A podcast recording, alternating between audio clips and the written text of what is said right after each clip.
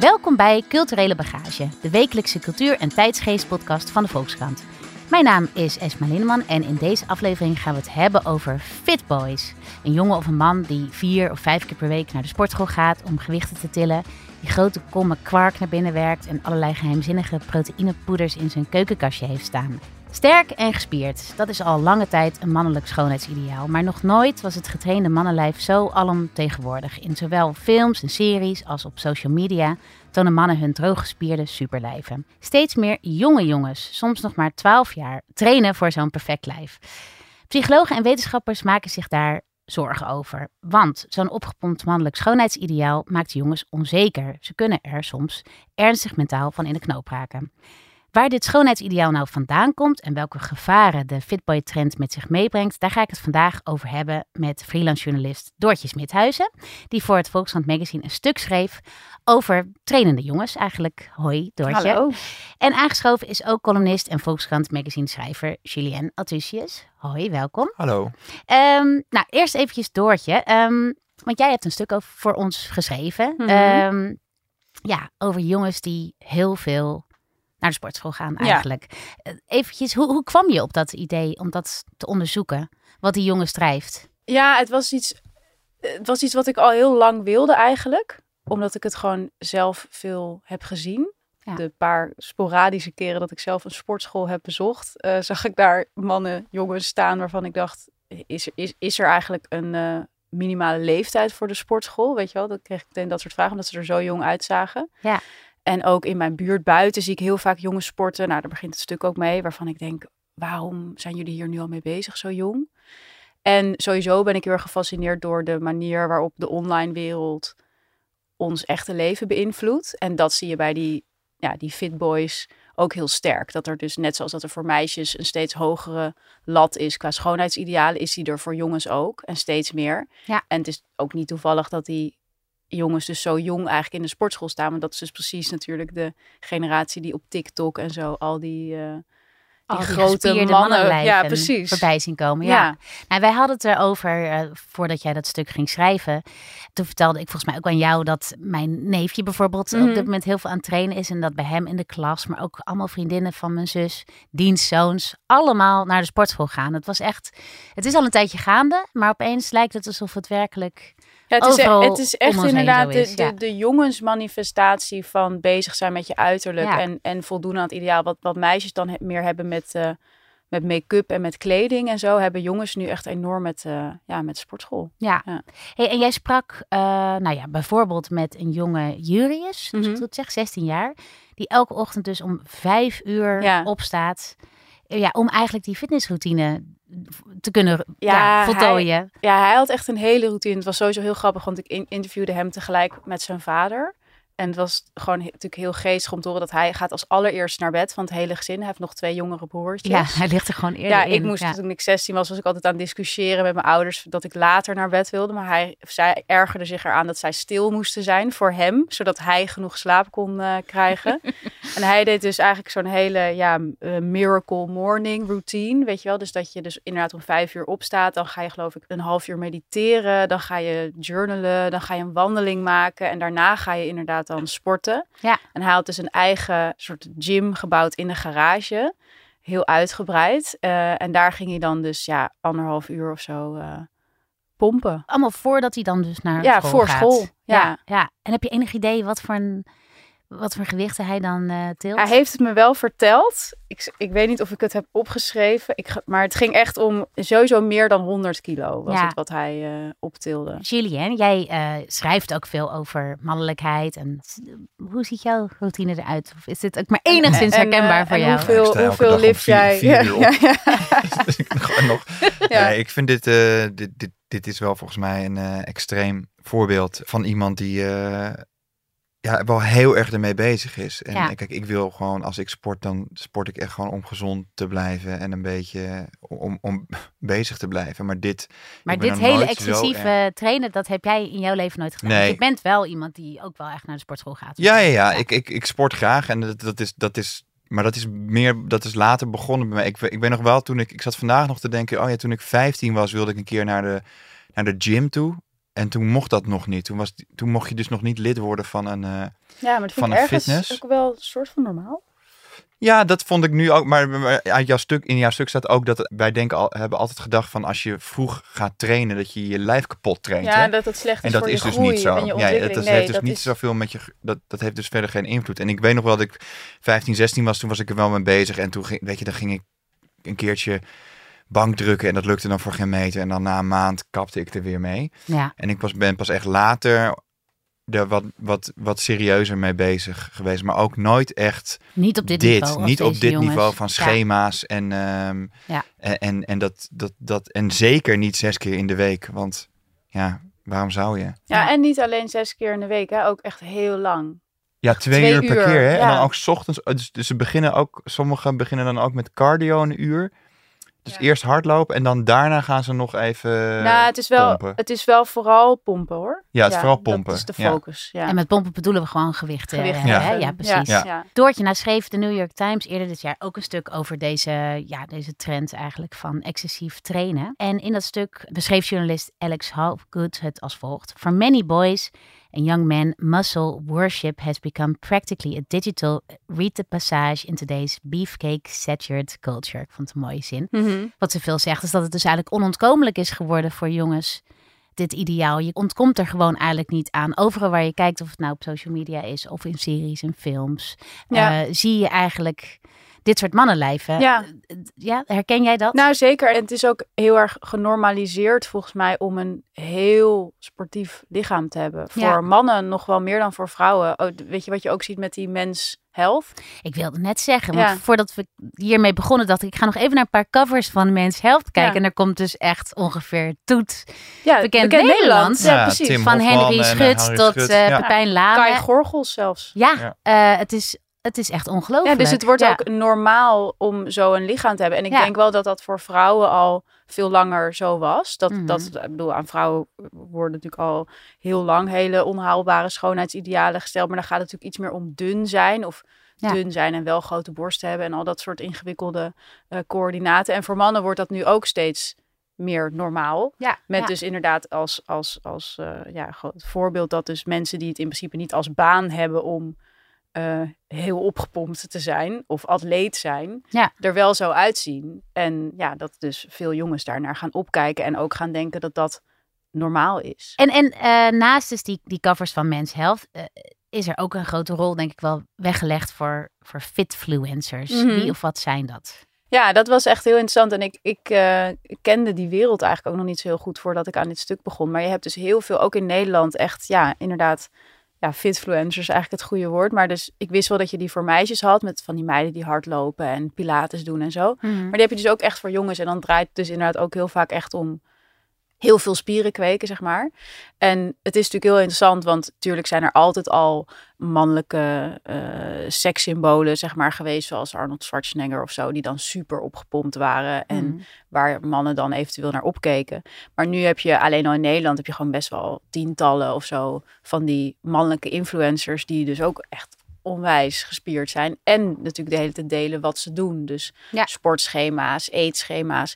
En daardoor krijgt zo'n lichaam natuurlijk een soort zweem van haalbaarheid. Ja. Terwijl dat Ja. natuurlijk ook helemaal niet zo makkelijk. En dat getrainde Is. lichaam krijgt weer een zweem van succes. Ik, je hoort hier eventjes Joël of Joël Beukers. Ja, Joël Beukers, Ja, ja. die zegt dan het volgende. In shape zijn straalt discipline uit. Dit is het minste wat je jezelf kan aandoen om succesvol te zijn. Als je nu geen reet hebt, is gewoon in shape zijn. En zorg ervoor dat je dus daar binnen loopt en van hier, bam, ik ben een aanwinst voor jouw team. Ja, in shape zijn, Julien. De shape zijn straalt eh Discipline uit. discipline ja. uit. Ja. Ja, nou dat denk ik ook. Dat straalt het ook beetje. uit, Tuurlijk, ja. ja. dat straalt het zeker uit. ook. Ja. Ja, onder andere. Ja, het is wel interessant, want dat is ook wat die jongens die ik dus sprak ook wel zeiden. Als ik vraag van waarom vind je dit nou zo belangrijk, dan zeiden ze dus inderdaad ook vaak een beetje van die voor mij in eerste instantie vrij onbegrijpelijke dingen. Zoals, ja, ik heb gewoon doelen in mijn leven. Of eh, ja, ik wil Mhm. gewoon succes. Ja. En ik dacht dan, waarom is het per se succesvol om zoveel te trainen? Maar dat is dus wat die fitfluencers heel erg doen. Die koppelen een ja, succesvol leven aan zo'n uiterlijk. Ja. En zo'n eh, schema elke dag. En ik ben er nog niet helemaal over uit wat ik daarvan vind. eigenlijk. En je Nee. lijf is natuurlijk wel, kijk, als je nergens of over weinig dingen controle hebt, behalve Mhm. over het succes van je lijf, zeg Ja. maar. Want dat is dat, dat geripte, dat, die, dat jacked lijf, dat is succes voor Mhm. hun. Dat kunnen zij bereiken door best wel simpel, ja, door, door veel te trainen en door te eten. En, en dat, daar heb je dan controle over. Dus ik snap wel dat dat, zeker voor jonge mannen of, jonge, of jongens, dat dat een manier is die ze een bepaalde houvast geeft. Nou, en ik, leven. en ik denk dat er ook wel iets in zit in het idee dat een soort van basisschema voor jezelf creëren waarin beweging ook een onderdeel is, maar ook elke dag opstaan op een bepaalde tijd, Ja. misschien gezond eten en zo. Ik denk dat daar best wel iets in zit. Ja, het is bekend dat je van routines gewoon eh, Ja. eigenlijk ook mentaal soms heel erg Mhm. eh, op kunt knappen, zeg maar. Of dat je daar heel veel houvast aan kunt vinden. Ik bedoel, het is, het is niet alleen maar eh, negatief, denk Nee. ik. Ik denk dat het ook heel veel voordelen met zich mee Nee, want zeker, we zitten ja. tegelijkertijd zitten we ook met, met, met, met nog nooit zijn zoveel jonge obese, jongeren obese geweest. Ja, dus een dat, kwart, dat, dat, ja. dat is daar, dat, dat heb je daar, Interessant daar die dingen gewoon samen Ja, eh, lopen. en, en, Ja. Kijk, en je kan je ook afvragen van ja, wat is erger? Dat, dat zo'n jongen om elke dag om vijf uur opstaat en zijn dingetje gaat doen. Of omdat hij tot drie uur s'nachts zit te gamen en met blikjes Red Bull. Dat, dat, Ja. dat, dat, dat zijn, die kant kan het ook opwaaien, zeg Ja, maar. maar misschien noem je nu twee extreme. Nee, Nee, ja, maar daarom. Ja. Dus, dus Ja. dat, Want Doortje, jij hebt ook voor jouw stuk eh, eh, met mensen gesproken en ook onderzocht wat, Mhm. wat de meer schadelijke effecten kunnen zijn van dit gedrag eigenlijk. Mhm. En in jouw stuk valt de term bigorexia. Had Ja. ik nog nooit van gehoord. Het schijnt hetzelfde te zijn als muscle dysmorphia. Ja. Leg me even uit, wat is dat? Ja, ik vind wel een, een goede term. Tenminste, ik begreep Ja. wel meteen Ja, wat big, het... ja, groot, bigorexia. Nou, het is dus eigenlijk het idee wat je dan vaker hoort over jonge meisjes met anorexia. Dus dat het idee is van, ze moet, je moet steeds dunner en eh, je begint met dat je even wat wil afvallen en dan wordt het nooit genoeg. Ja. En dus inderdaad ook eh, hè, die, die body dysmorphia. Dus dat je in de spiegel kijkt en jezelf veel dikker ziet dan je daadwerkelijk bent. Ja. Dat kan dus ook met spieren. Dus eigenlijk andersom. Dus die jongens die moeten alsmaar gespierder, gespierder, gespierder. En als ze dan in de spiegel kijken, dan zien ze er voor hun, henzelf veel minder gespierd uit dan eh, ze daadwerkelijk zijn. En dat is dus wel iets waar veel van de jongens, tenminste, eh, ik, die jongens die ik sprak, daarvan was er één heel uitgesproken over. En die zei dat eigenlijk ook alle jongens bij hem in de sportschool dat hadden. Ja. Dat hij gewoon, ondanks dat hij echt, nou ja, voor zijn leeftijd echt enorm gespierd is, toch altijd het idee had van ja, het valt wel mee of zo. Ja, hij ziet het dan gewoon eigenlijk niet echt. Nee, en het is denk ik, ik heb ook het idee, maar dat weet Julien misschien beter, dat dat ook heel erg vast zit überhaupt aan dat gewicht heffen. Dat het, dat het in essentie nooit genoeg is. Dus dat Mhm. je altijd weer meer en meer en meer moet. Maar het is natuurlijk wel ergens gek om van zo'n gespierd iemand te horen dat hij zichzelf niet super gespierd vindt. Ja, precies. Dus echt een vervormd Ja, eigen beeld. Hè? Eh, als je in de spiegel kijkt, Ja. zie je gewoon iets anders. Ja, ja. En we hadden het al over dat ideaalbeeld van Arnold Schwarzenegger en hoe dat nu zo alomtegenwoordig is. Heb jij dat nou zien veranderen in jouw... Was het in jouw jeugd anders, jullie, hè? nou, wij hadden natuurlijk Pieter Andre. Full Ja. stop. ja echt. Dit, eh, ja. Ja, maar nee, ik, dat, Ja. dat, dat is wel echt, die heeft volgens mij wel heel veel jongens van mijn generatie. Want toen was ik, volgens mij was ik 10, 11, 12, zoiets. Nou ja, echt wel volgens mij dat je dacht van, oh shit, oké, Ja, ja, ja. zo Ik moet het echt dus, of dit weet, is weet het. jij wie dit is? Nou ja, Ja, zeker. Eh, wat is een Mysterious Girl? Mysterious Girl, oh, oh, oh, ik, ik dacht al dat dat hem was, maar ik dacht dat Ja. kan je niet bedoelen. ja, dat was hem. En Ja. dat was echt toen... Maar dat is eh, gewoon een één hit, toch gewoon? Ja, ja, maar wat voor hit. Het was Ja, wel een waar. mega hit die op ieders... eh, en volgens mij, ja, in- evergreen, mijn hoofd ook was hij eh, dan wel echt een van de eerste knappe mannen die, weet je, want Arnold Schwarzenegger en, en die ja, gasten uit de jaren 80, ja, die waren gewoon extreem. Dat, Ja. daar, bedoel, daar wilde je niet. Stallone en Arnold Schwarzenegger, dat waren een soort... Die Dolph Lundgren, al die ja, Oh ja, jaren, ja. jaren 80 gasten, die waren extreem gespierd. Zelfs ook eh, Jean-Claude Van Damme.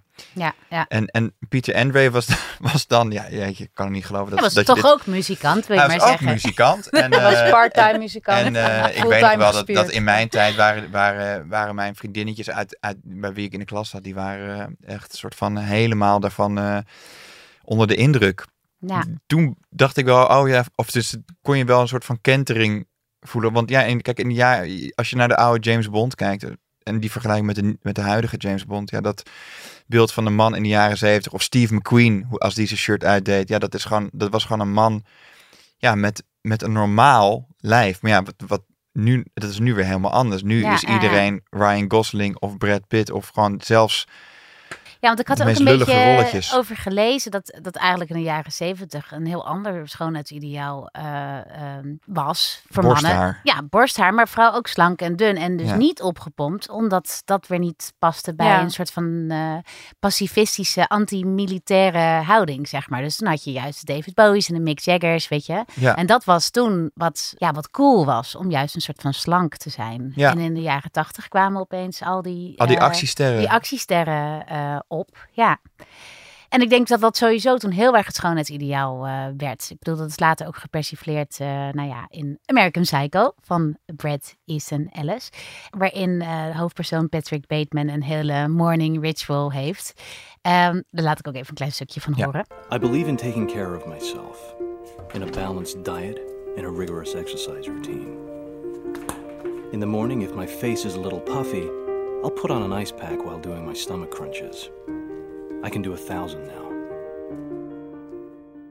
Want ik las dus later dat dezezelfde morning routine van Patrick Bateman in eh, de coronatijd helemaal viral is gegaan. Eigenlijk onder Gen Ja, ja, ja. Z'ers die hem heel serieus namen. Oh ja? Oh, wat grappig. En hem wilde gaan nadoen, zeg maar. Terwijl het was gewoon één grote Ja, parodie. Het was Ja. een Want ik zat, ik zat hem ja. te, lu- te, Ja. te kijken en dacht over ja, maar serieus, als je dit elke dag doet, dan heb je na een week heb je gewoon alleen nog maar botten in je hoofd. Het is gewoon alleen maar scrubs en, En- en, Ja, en dat masker. wat dat er masker wat hij zo eraf Ja, ja. afpelt. Maar dat is ja, ja, Ja, ja. ja, en, en dan komt ook nog eens bij dat hij een, een serial killer is. dat moet je ook niet Ja. per se Minor willen. detail, ja. maar- Dat is ook, Ja. om dat vol te Ja. houden Ja. erbij. Ja. Maar in de jaren tachtig was dat in ieder geval ook heel erg Was dat gewoon heel normaal? Ja. en toen dacht ik nog, heeft het ook nog iets te maken met een soort van onzekere tijden, zeg maar. Waar de jaren tachtig ook heel erg bekend om stonden. eh, om allerlei redenen, economisch, Oh, als wel eh, Koude Oorlog. Ja. eh, en nu zie je ook weer zo'n hang naar een soort Mhm. houvast in dat lijf. Ja. Zou Zeker. het daarmee te maken kunnen Oh, hebben? ik denk Ja. echt 100 procent. Ja. Ik denk dat, dat we bijvoorbeeld, dat zag ik heel erg met corona, dat dus heel veel jongeren, echt heel schrijnend trouwens, dus een eetstoornis ontwikkelde tijdens COVID. Ja, En daar zie je heel erg dat hoe je met je lijf omgaat, ook een reflectie is voor hoe je in het leven staat of hoe de wereld op je overkomt of zo. Mhm. Inderdaad, wat jij net al zei, van hoe oncontroleerbaarder de wereld aanvoelt, denk ik, hoe meer je op zoek gaat naar controle ja. binnen je eigen leven. En dat is natuurlijk ook, daarom slaan die morning routines op eh, TikTok eh, ook zo aan. Weet Ja. je, dat, dat, dat zijn dan echt, als je daar naar kijkt, denk je, wat, wat is dit voor size? Dus inderdaad, nou, de, de Patrick Bateman was dan nog leuk. Of interessant, in Ja, elk geval misschien niet zo leuk. Maar, maar ehm, dat zijn gewoon meisjes die zeggen van, nou, eh, ik sta op, dan maak ik mijn bed op, en dan ga ik koffie zetten, eh, dan ga ik even wandelen. Weet je, dus echt eigenlijk heel voorspelbare dingen. Get ready with me filmpjes, Precies dat, ja, Maar het idee, denk ik, dat je een soort kant-en-klaar leven kan nemen en dat dan in jouw leven kan implementeren en dan een gevoel van controle daardoor kan krijgen, dat is gewoon onwijs populair. Ja, ja. eh, onder jongeren vooral. En dat is natuurlijk ook precies wat die fitboys doen. En, en jij zei in het begin van het gesprek van, nou ja, ik ga dat niet heel excessief doen, want eh, dan ga ik misschien ergens heen waar ik niet heen wil. Denk jij dat jij gevoelig zou kunnen zijn voor bigorexia? Stel dat jij nu een jongen bijvoorbeeld van 15 was. Nou, dat, nou, dat weet ik niet. Maar ik weet wel dat, dat ik... Bijvoorbeeld, ik heb vroeger veel gerookt en veel gedronken en ook veel gesnoept. En dan nu sport ik veel. Dat is daar een beetje voor, voor in de plaats gekomen. Maar ik weet ook wel dat op een gegeven moment als je het gaat willen perfectioneren. Dus als je inderdaad... Ik heb wel eens een keertje zo'n sportschema gedaan. Een soort van Mm. paar maanden lang. Dat is dan de eerste stap die je gaat volgen. Want daarna ga je ook aan je eten denken. En dan ga je je eten wegen. En hoeveel proteïne. En kom je wel genoeg aan proteïne. En op een gegeven moment gaat je hele dag in het teken staan van al die dingetjes die je maar moet controleren. En die om, om maar dat doel te bereiken. En ja, ik weet van mezelf dat ik word daar helemaal niet blij van. Nee, nee. Want dan gaat het uiteindelijk het middel is dan, is dat, dan gaat het doel in de weg staan heel erg. Maar als jij zegt, want hoeveel sport jij dan nu? Ik sport nu, Zes keer per week. nee, Twee uur per dag. Ja. vier, vier keer in de week, eh, maar, niet, maar niet aan de gewichten hangen of zo. Dus ik, zit, ik, zit, ik, ik, ik fiets dan of ik box dan ook. Ja, ja. Ehm, vier, vijf keer in de week. Maar dat is, dat, is, dat is dan, ja, ik doe twee keer in de week gewicht of zo. Ja, En ja. heb jij, want dat viel mij zo op bij de jongens, dat ze allemaal een, ehm, soort streefgewicht hebben. Nee, dat, nee, ook qua- nee, dat heb ik nooit gehad. Qua groot, dus meer wegen willen. Nee, ja, maar dat is, dat is natuurlijk ook van de, gains die ze willen Ja. halen. En dat krijg je weer door elke keer zwaarder te gaan trainen. Eh, dat is ook een keuze die je kan maken. Dus als je bijvoorbeeld 80 kilo eh, squat, dat is best wel veel. Dat is nou, ongeveer mijn lichaamsgewicht, ietsje minder dan. Maar ja, je hebt ook jongens inderdaad van mijn lengte die dan 120, 105, die gewoon echt zoveel mogelijk gaan doen. En dan daar ook een soort van uitdaging in zien. Dat is Ja. ook een sport. Dat is natuurlijk gewoon wat bodybuilden is. En, dat, Ja. dat- en dat, is, ja, dat is in principe gewoon een, een normale sport. Maar als je dat dan koppelt ook aan groei, ja, dan moet je er ook weer heel veel bij gaan eten. En dan, dan, dan grijpt dat een beetje in elkaar. Dus jij inderdaad. denkt dat jij er wel tegen opgewassen zou zijn als je nu... Als ik nu, nee, maar als ik nu 15 zou zijn, zou ik natuurlijk in een wereld opgroeien met allemaal social media. En Ja. dat was ik was niet toen ik 15 was met TikTok en met, met Instagram. En dan daar, ik denk dat ik daar absoluut vatbaar voor zou zijn. En dat ik ook, omdat je elk voedingsschema nu kan opzoeken, je kan ja, elk, dat is het. elk dat is het eh, trainingsschema met, eh, opzoeken. met, met Arnold Schwarzenegger. Ja, het is en- haalbaar en geworden. het is allemaal super Of het komt, toegankelijk. het, komt, ha- het komt Ja. haalbaar over, maar dat is natuurlijk ook het verdienmodel van dat soort fitfluencers. Van Ja. doe dit, net zoals dat het van Kim Kardashian en zo ook zo is. Van doe dit, dit en dit. En dan, Eh, en dan word je dan zo. word je en oh, toevallig heb ik een deal met al die producten.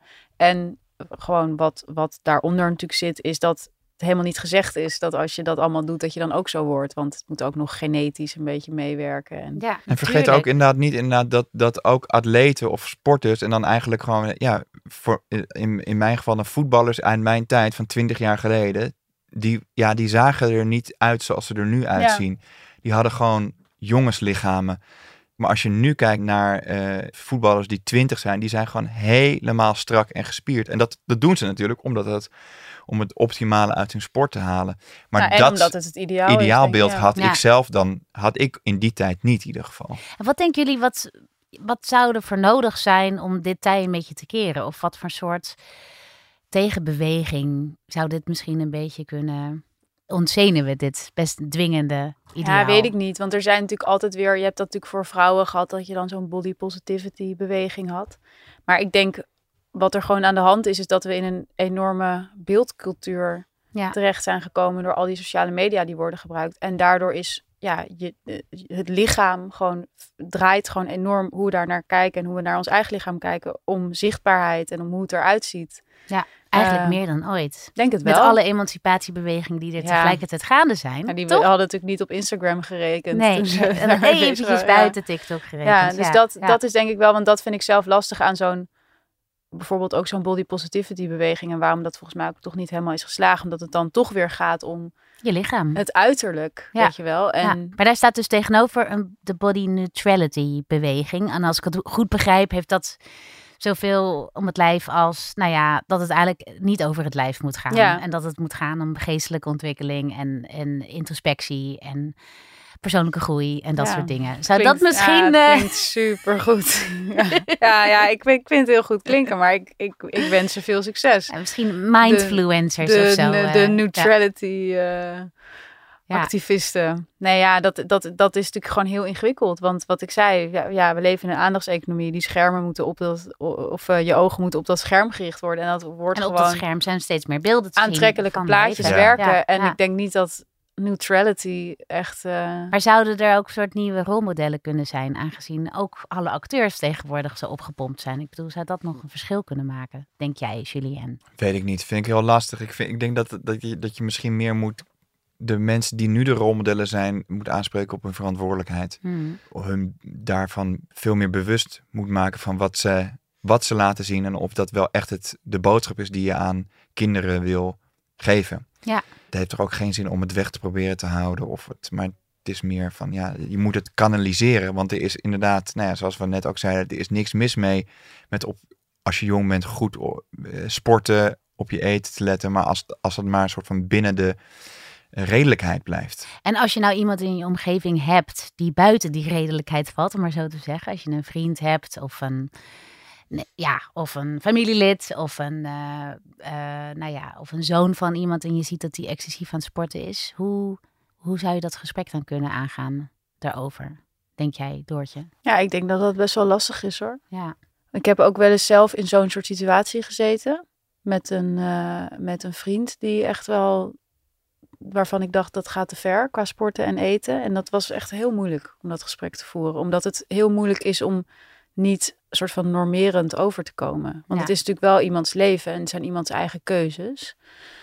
Eh, maar wat mijn idee is, is dat het toch, het gaat wel altijd ook ergens om iemand die ook ge- gezien wil worden en die ook geborgenheid wil en veiligheid. Ja. En dat misschien ergens niet vindt en het daarom ergens anders gaat zoeken. Misschien heeft het Mm. wel zin om er überhaupt over te Ja, praten en ik- vragen te stellen. Ik heb wel eens, ik heb voor mijn boek eh, over digitale verslaving op een gegeven moment een meisje gesproken en die was verslaafd aan haar smartwatch.